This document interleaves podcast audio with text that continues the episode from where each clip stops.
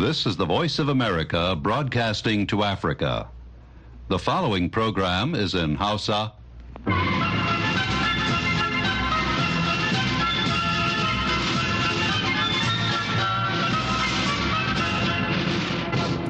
Sashen Hausa na muryar Amurka ke magana daga nan birnin Washington DC.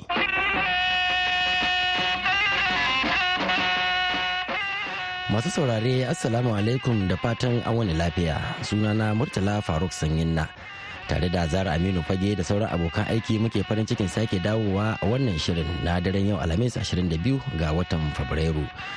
A cikin shirin namu ne yanzu za ku ji cewa yayin da rundunar tsaron Najeriya ta gargaɗi wasu 'yan ƙasar da ke kira ga juyin mulki sakamakon tsananin rayuwa. Masu fashin baki ko sun yi kashedi ne ga gwamnati kan halin da ake ciki. a ƙasar ghana kuma ana ci gaba da bayyana ra'ayoyi kan shirin shugaban ƙasar na yin garan bawul ga majalisar zartarwa wadda ta kai ga soman sauya wasu ministoci. Haka kuma muna nan tafi da shirin yanayi da muhalli. To amma kafin duka waɗannan sai mun fara da labaran duniya tukunna.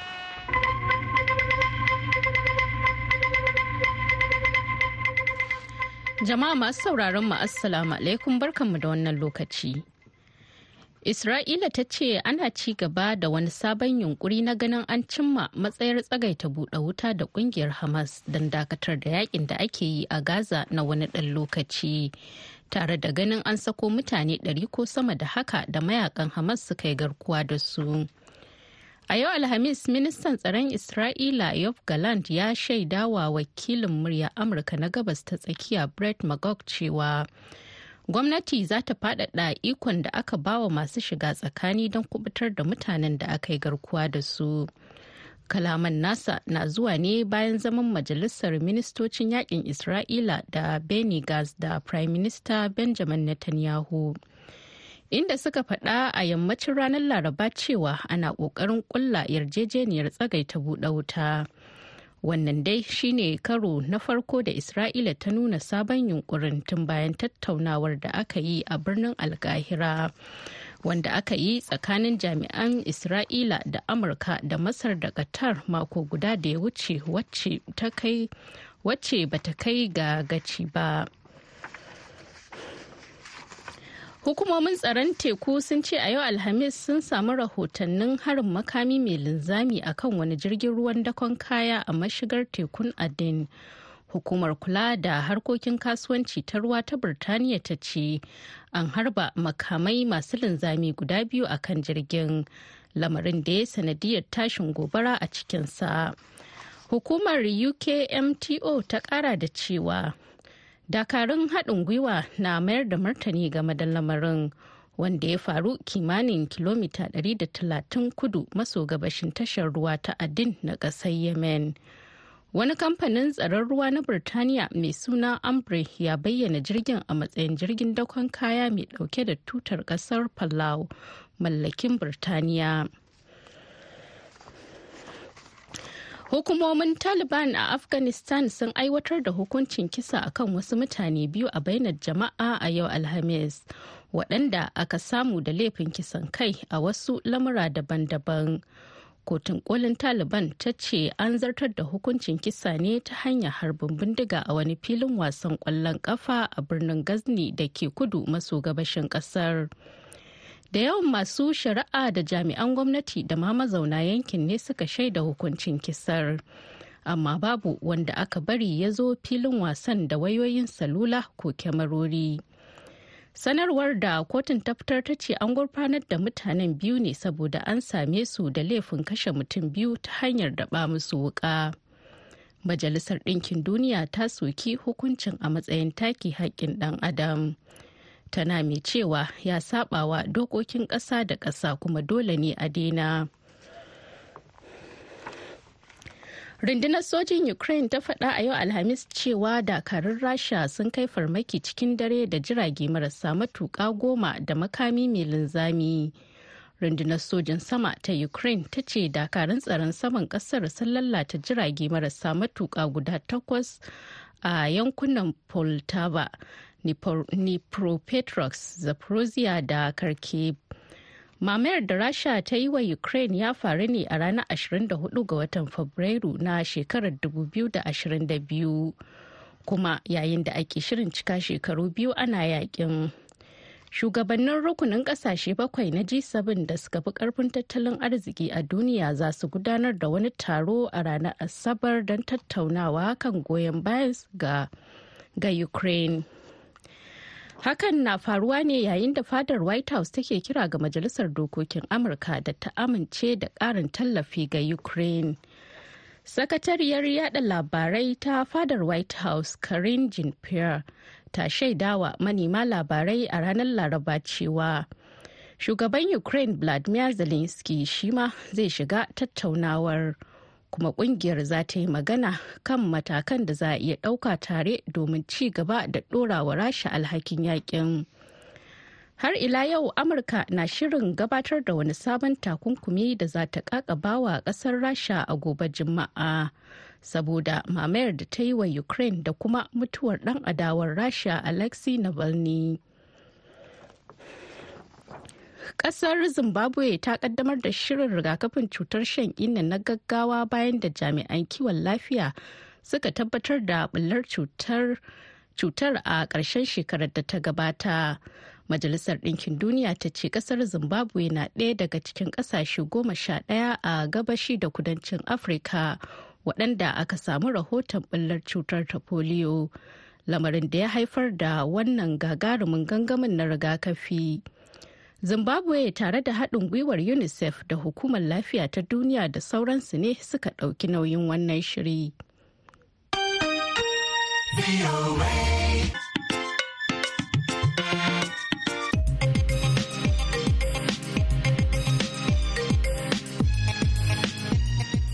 Zahra Aminu fage kenan aka saurara da labaran duniya daga nan sashen Hausa na muryar Amurka a Washington DC.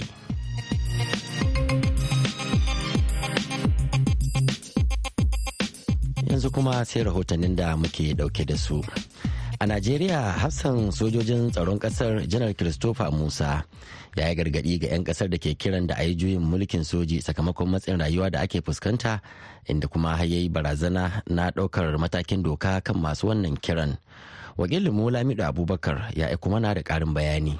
Shugaban rundunar sojan Najeriya dai ya yi wannan kiran ne a baya-bayan nan a hidikwatar runduna ta shidda da ke birnin fatakwal yayin da yake jawabi ga rundunar sojan ƙasar a daidai lokacin da yake buɗe wasu manyan ayyukan raya ƙasa. Janar christopher musa de ya ce masu fura wannan wutar rikici na cewa sojojin najeriya su karɓe mulki to su sauya tunani.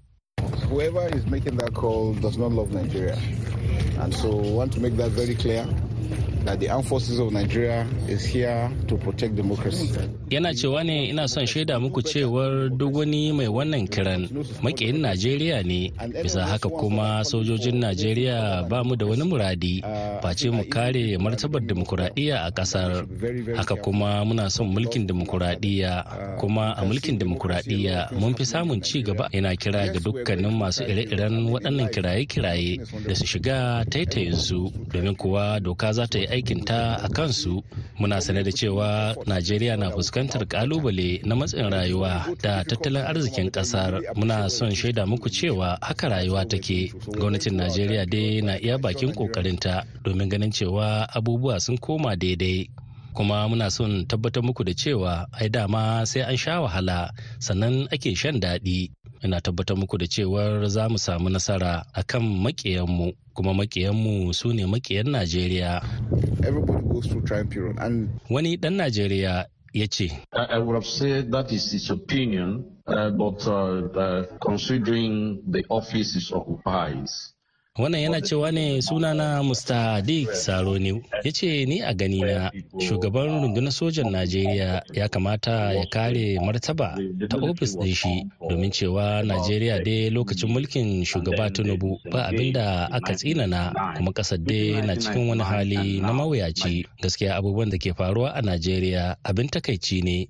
Masu sharhi akan al'amuran yau da kullum tuni suka fara tsokaci dangane da wannan batu. Dr. Abdulkadir Suleiman Muhammad na Jami'ar Abuja mai sharhi ne akan al'amuran yau da kullum. Wannan kiraye-kiraye da ake yi da sakamakon matsi da tsanani da talauci da ake fuskanta a wannan ƙasa tamu Najeriya ne. su wanda suke da madafan iko a hannunsu dole ne su fuskanci irin wannan yanayi kuma shine irin misalin abubuwan da suka faru a wasu ƙasashe wanda makwabtanmu ne. Wata ƙasar ma saboda kawai an ƙara kuɗin biredi ne lokaci ɗaya aka yi ta zanga-zanga har mu a najeriya yanzu. Abin da yake faruwa tsakani da allah tura ta kai bango. Lamido abubakar sakkwato muryar amurka daga fatakwal najeriya. A gaida lamido abubakar. To dangane da waɗannan kiraye-kirayen da 'yan najeriya ke yi kuma muhammad hafiz baballe ya tattauna da mai fashin baki kan lamuran siyasa da tattalin arziki dr umar dr faruk bibi faruk. To tasirin kiransu zai zama cewa a gane cewa mutane a matsa suke mutane a cikin kunci suke. In ba mutane a cikin kunci suke ba. Ko a ina a duniya ba za su rinka neman a farar musu da demokradiyya don a yi musu mulkin soja ba. Saboda kowane ɗan adam yana son yanci abin da kawai yake sa ka haƙura da yancin ka yunwa to ana barin mutane a cikin yunwa ne. Kuma wannan maganar cewa ko daidai ne ko ba daidai ba ne a harkar demokradiyya ba daidai ba ne harkar zaman duniya duk tsarin da zai zo da bashi da maslahar ci gaba sai a ajiye shi ai dama muna son demokradiyya ne saboda babu tsarin da yake da ci gaba a cikin maslaha kamar na demokradiyya To, dakta ta yaya za a warware waɗannan matsaloli a siyasance? A siyasance a gaskiya ba ni da jin akwai ɗan siyasa a ƙasa a Najeriya yanzu da yake da wato mukullin buɗe wannan matsalar ba na ji akwai. Sai dai a ce kowa zai iya tafiya da irin nasa tsarin a kuma tsarin wasu wataƙila za a fi samun sassauci wataƙila za a fi samun wato inganci da tunani mai kyau da kuma wato sa kai akan cewa sai an samu maslahar wannan matsalar. amma matsala ce wacce na farko dai ta shiga cikin wato har farkon Najeriya ta haka ake tafiya. Idan ƙasa tana watsar da abubuwan da take da shi nata, sai dai wasu zo su kwasa su je su amfana da shi su rinka sayar mata. Tana kuma kuɗayin abubuwan wasu ɗin kuma kuɗayin nan sai an ɗauko kuɗi masu zan surutu na dala an same su. Sannan kuma ana wato rashawa ta fitar hankali. Wato gwamnati tana kashe kuɗaɗe da ba kai ba gindi. to a gaskiyan magana dole ne a ci gaba da wa'annan matsaloli to haka in ba wani ba ne murza gashin baki aka daina barna dan ana jin tsoronsa sannan kuma ya iya tafiyar da mutane a masalahar da an san cewa gyara yake sanya aka yarda da shi.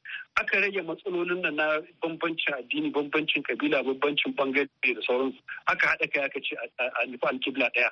Dakta kana ganin kuwa 'yan siyasar Najeriya suna shiryawa kafin su nemi waɗannan mukamai kuwa?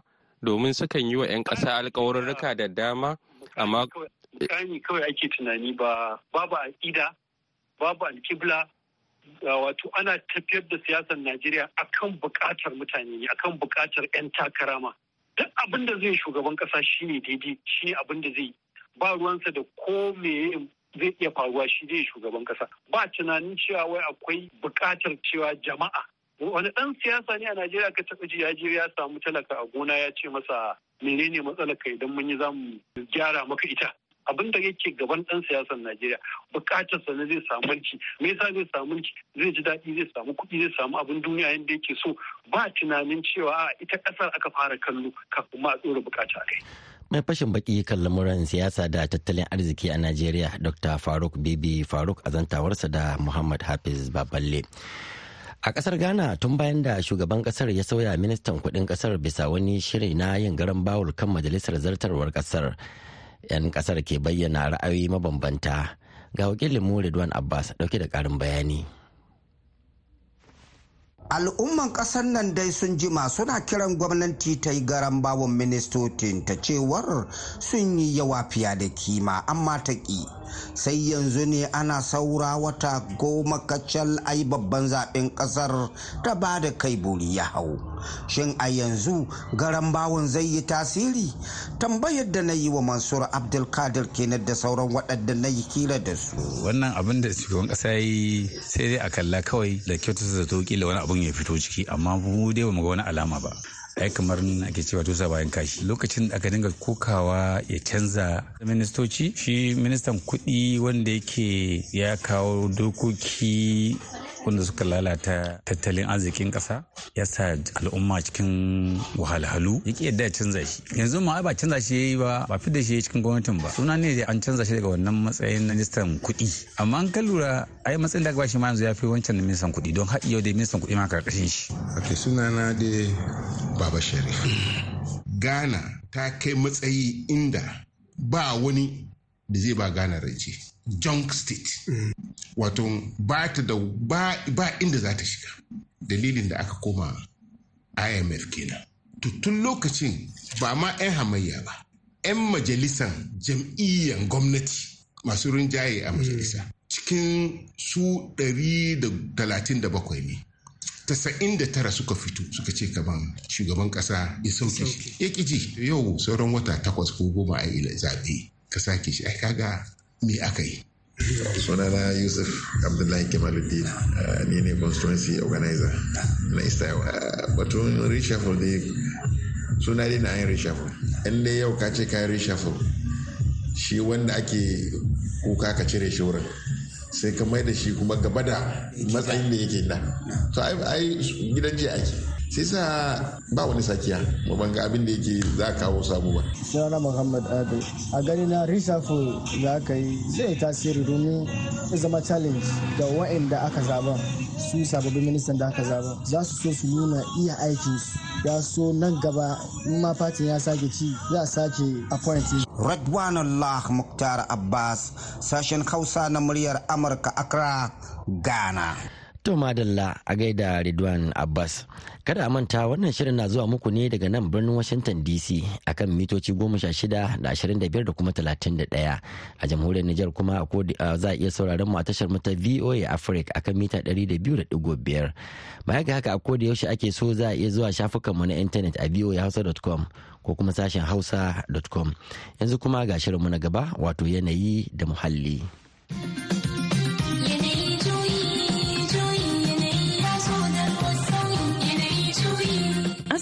Assalamu alaikum mai sauraro. Barka da sake kasancewa da wani sabon shirin yanayi da muhalli daga nan sashen Hausa na muryar Amurka. A cikin shirin yanayi da muhalli za mu ji ta bakin masana a Najeriya kan abubuwan da suka kamata a yi domin inganta hanyoyin samar da makamashi mai tsafta. A yi kasafin kuɗi wanda zai ba da dama a yi haka din. Tsari na biyu a samar da masana. Sai kuma yunkurin shawo kan kalubalolin da ke tattare da matsalolin sauyin yanayi. To abu ne wanda ya kamata a ce an lura da shi, an kula da shi, ko kuma an gano shi. Sunana Aisha Mu'azu. Duk faɗin duniya a yau an karkata akalin samar da makamashi ga mai tsafta wanda masana suke bayani a game da irin alfanun da ke tattare da shi wanda baya ga inganta lafiyar muhalli da na al'umma baki ɗaya yana samar da sabbin hanyoyin kuɗaɗen shiga.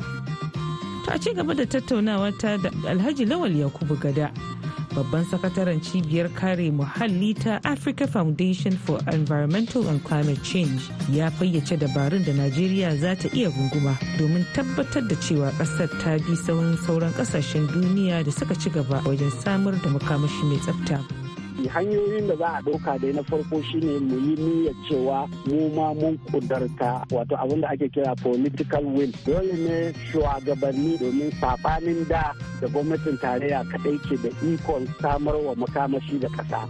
Yanzu sabuwar doka wadda aka zarta shekara da ta wuce ya ba da gwamnoni da ma ƙananan hukumomi izinin cewa suna iya nemar wa kansu wuta wato kamar yanzu jihar kano za ta iya samar ma kanta makamashin da take buƙata a jihar kano kadai. Sannan jihar sokoto jihar niger jihar lagos to za su iya samar kansu. So na farko a samu wannan niyya cewa idan aka yi niyya to kuma sai a yi tsari na yin haka din. Tsari na farko a yi kasafin kuɗi wanda zai ba da dama a yi haka din. Tsari na biyu a samar da masana waɗanda za su fito da waɗannan hanyoyin na ɗan lokaci kaɗan za a iya yi cikin lokaci kaɗan wato short term me za a iya yi cikin lokaci na tsaka wato medium term nan wani kudururo za a iya cimma a lokaci mai nisa wato long term. To a fito da wannan tsari na matakan da za a ɗauka. Sai an faɗa masana Allah ya sa muna da masanan a ƙasar Najeriya sosai waɗanda suka san wannan fanni na makamashi mai tsafta. Sannan kuma muna da kamar yadda ki faɗa muna da hasken rana fiye da kusan kowace ƙasa ma domin muna kusa da sahara. So hasken ranar da yake najeriya musamman arewacin najeriya ba kaɗan ba ne. Wani hasashe da masana suka yi ka ce kashi goma cikin hasken ranar da muka yi in aka yi amfani da shi zai ba najeriya gaba ɗaya wuta. Saboda yanzu shi ne hanya mafi ci gaba. So dalili na ƙarshe da yasa ba a shiga gada yin wannan ba shine ɗan tsadar da suke da wurin farawa. Domin ni daga kamar sola tana da fanni uku. Akwai baturori da ake buƙata akwai panel solar panel sannan akwai inverters. In ki haɗa waɗannan kuɗin sai ki ga sayan dan janareto a kusa ko yanzu ki ɗauki kila KBA guda. To KBA guda wannan janareto da ake ce ma I pass my neighbor. Kin ga bai wuce dubu talatin ba ko zuwa dubu hamsin. Amma in za ki haɗa sola ta wani KBA sai ta kai dubu ɗari bakwai. To wannan bambancin kuɗin ya sa mutane suna jin wuyar sayan irin wannan. Amma shi ko in mutum ya riga ya saya. To babu zancen sayan mai kullum da kullum. Babu zancen wani sati-sati ko wata-wata. Wannan kenan. To shi kuma shugaban majalisar sauyin yanayi ta Najeriya Dr. Salisu Dahiru a wata hirar da na yi da shi yayin kaddamar da wata haɗaka da ƙungiyar majalisar ɗinkin duniya ta UNDP ya ci gaba da bayani a game da irin tagomashin da shirin ya kunsa wanda Najeriya za ta amfana da su. Ta wannan hanya akan sami hanyoyi na gudanar da ayyukan raya ƙasa da taimakawa tattalin arziki. Sa'an nan akwai kuma alkawari da najeriya ta ɗauka a ƙarƙashin shi majalisar ɗinkin duniya a kan maganar man yanayi inda ta ce za ta rage iska da ke gurbatar da muhalli ɗin nan. Daga yadda yake yanzu za ta iya rage shi da kaman kashi ashirin daga cikin ɗari daga yanzu zuwa 2030 to shi wannan aiki zai taimaka wa najeriya ne domin ta sauke wannan alkawari da ta yi domin ta wannan hanyar. Za a samu kudade kuma waɗannan ayyukan da za a yi su tun daga gagarumin manya-manyan ayyuka ne. To suna iya kawo rage waɗannan iska da ke jawo ɗumaman yanayi a najeriya.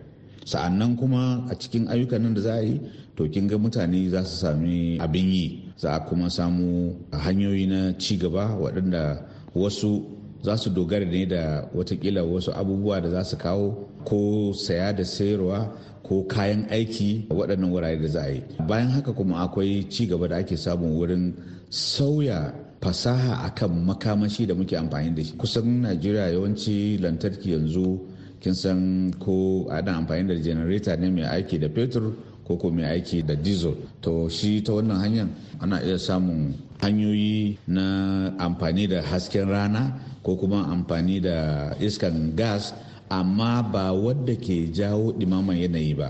Domin shi a wannan iskar gas da ake amfani da shi akwai wadda ake kira lpg liquefied petroleum gas akwai kuma cng compressed natural gas duk waɗannan iskar gas ne na musamman wadda ko a amfani da su wurin dafa abinci ko ko a amfani da su a abubuwan sufuri ko kuma a yi amfani da su a manya-manyan masana'antu.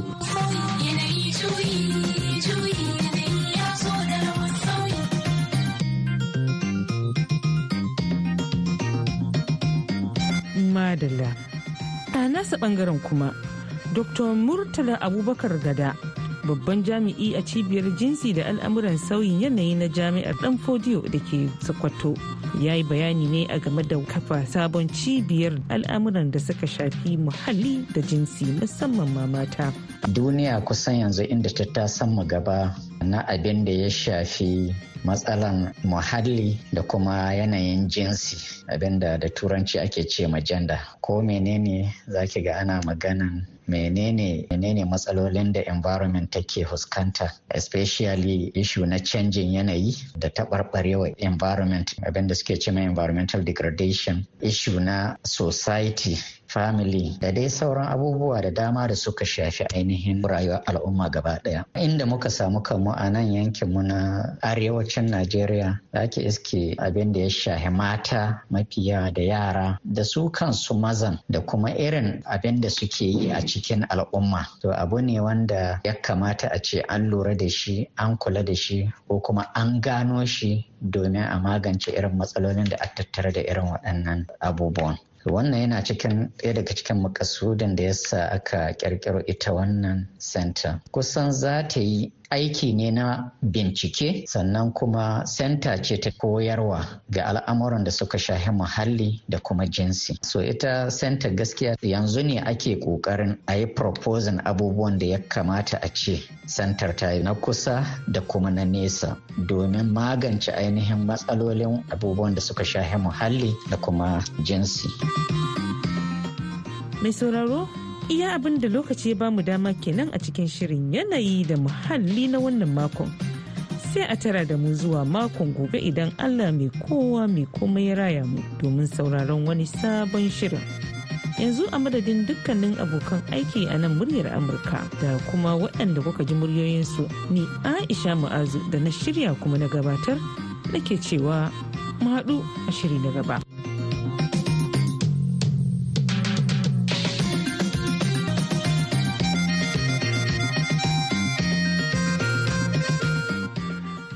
A gaida Aisha Mu'azu da wannan kuma muka zo ga shirinmu na ƙarshe wato labarai amma a taƙaice.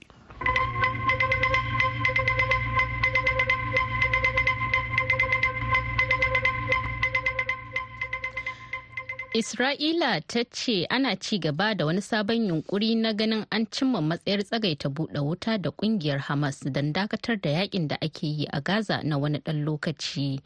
Tare da ganin an sako mutane ɗari ko sama da haka da mayaƙan Hamas suka yi garkuwa da su.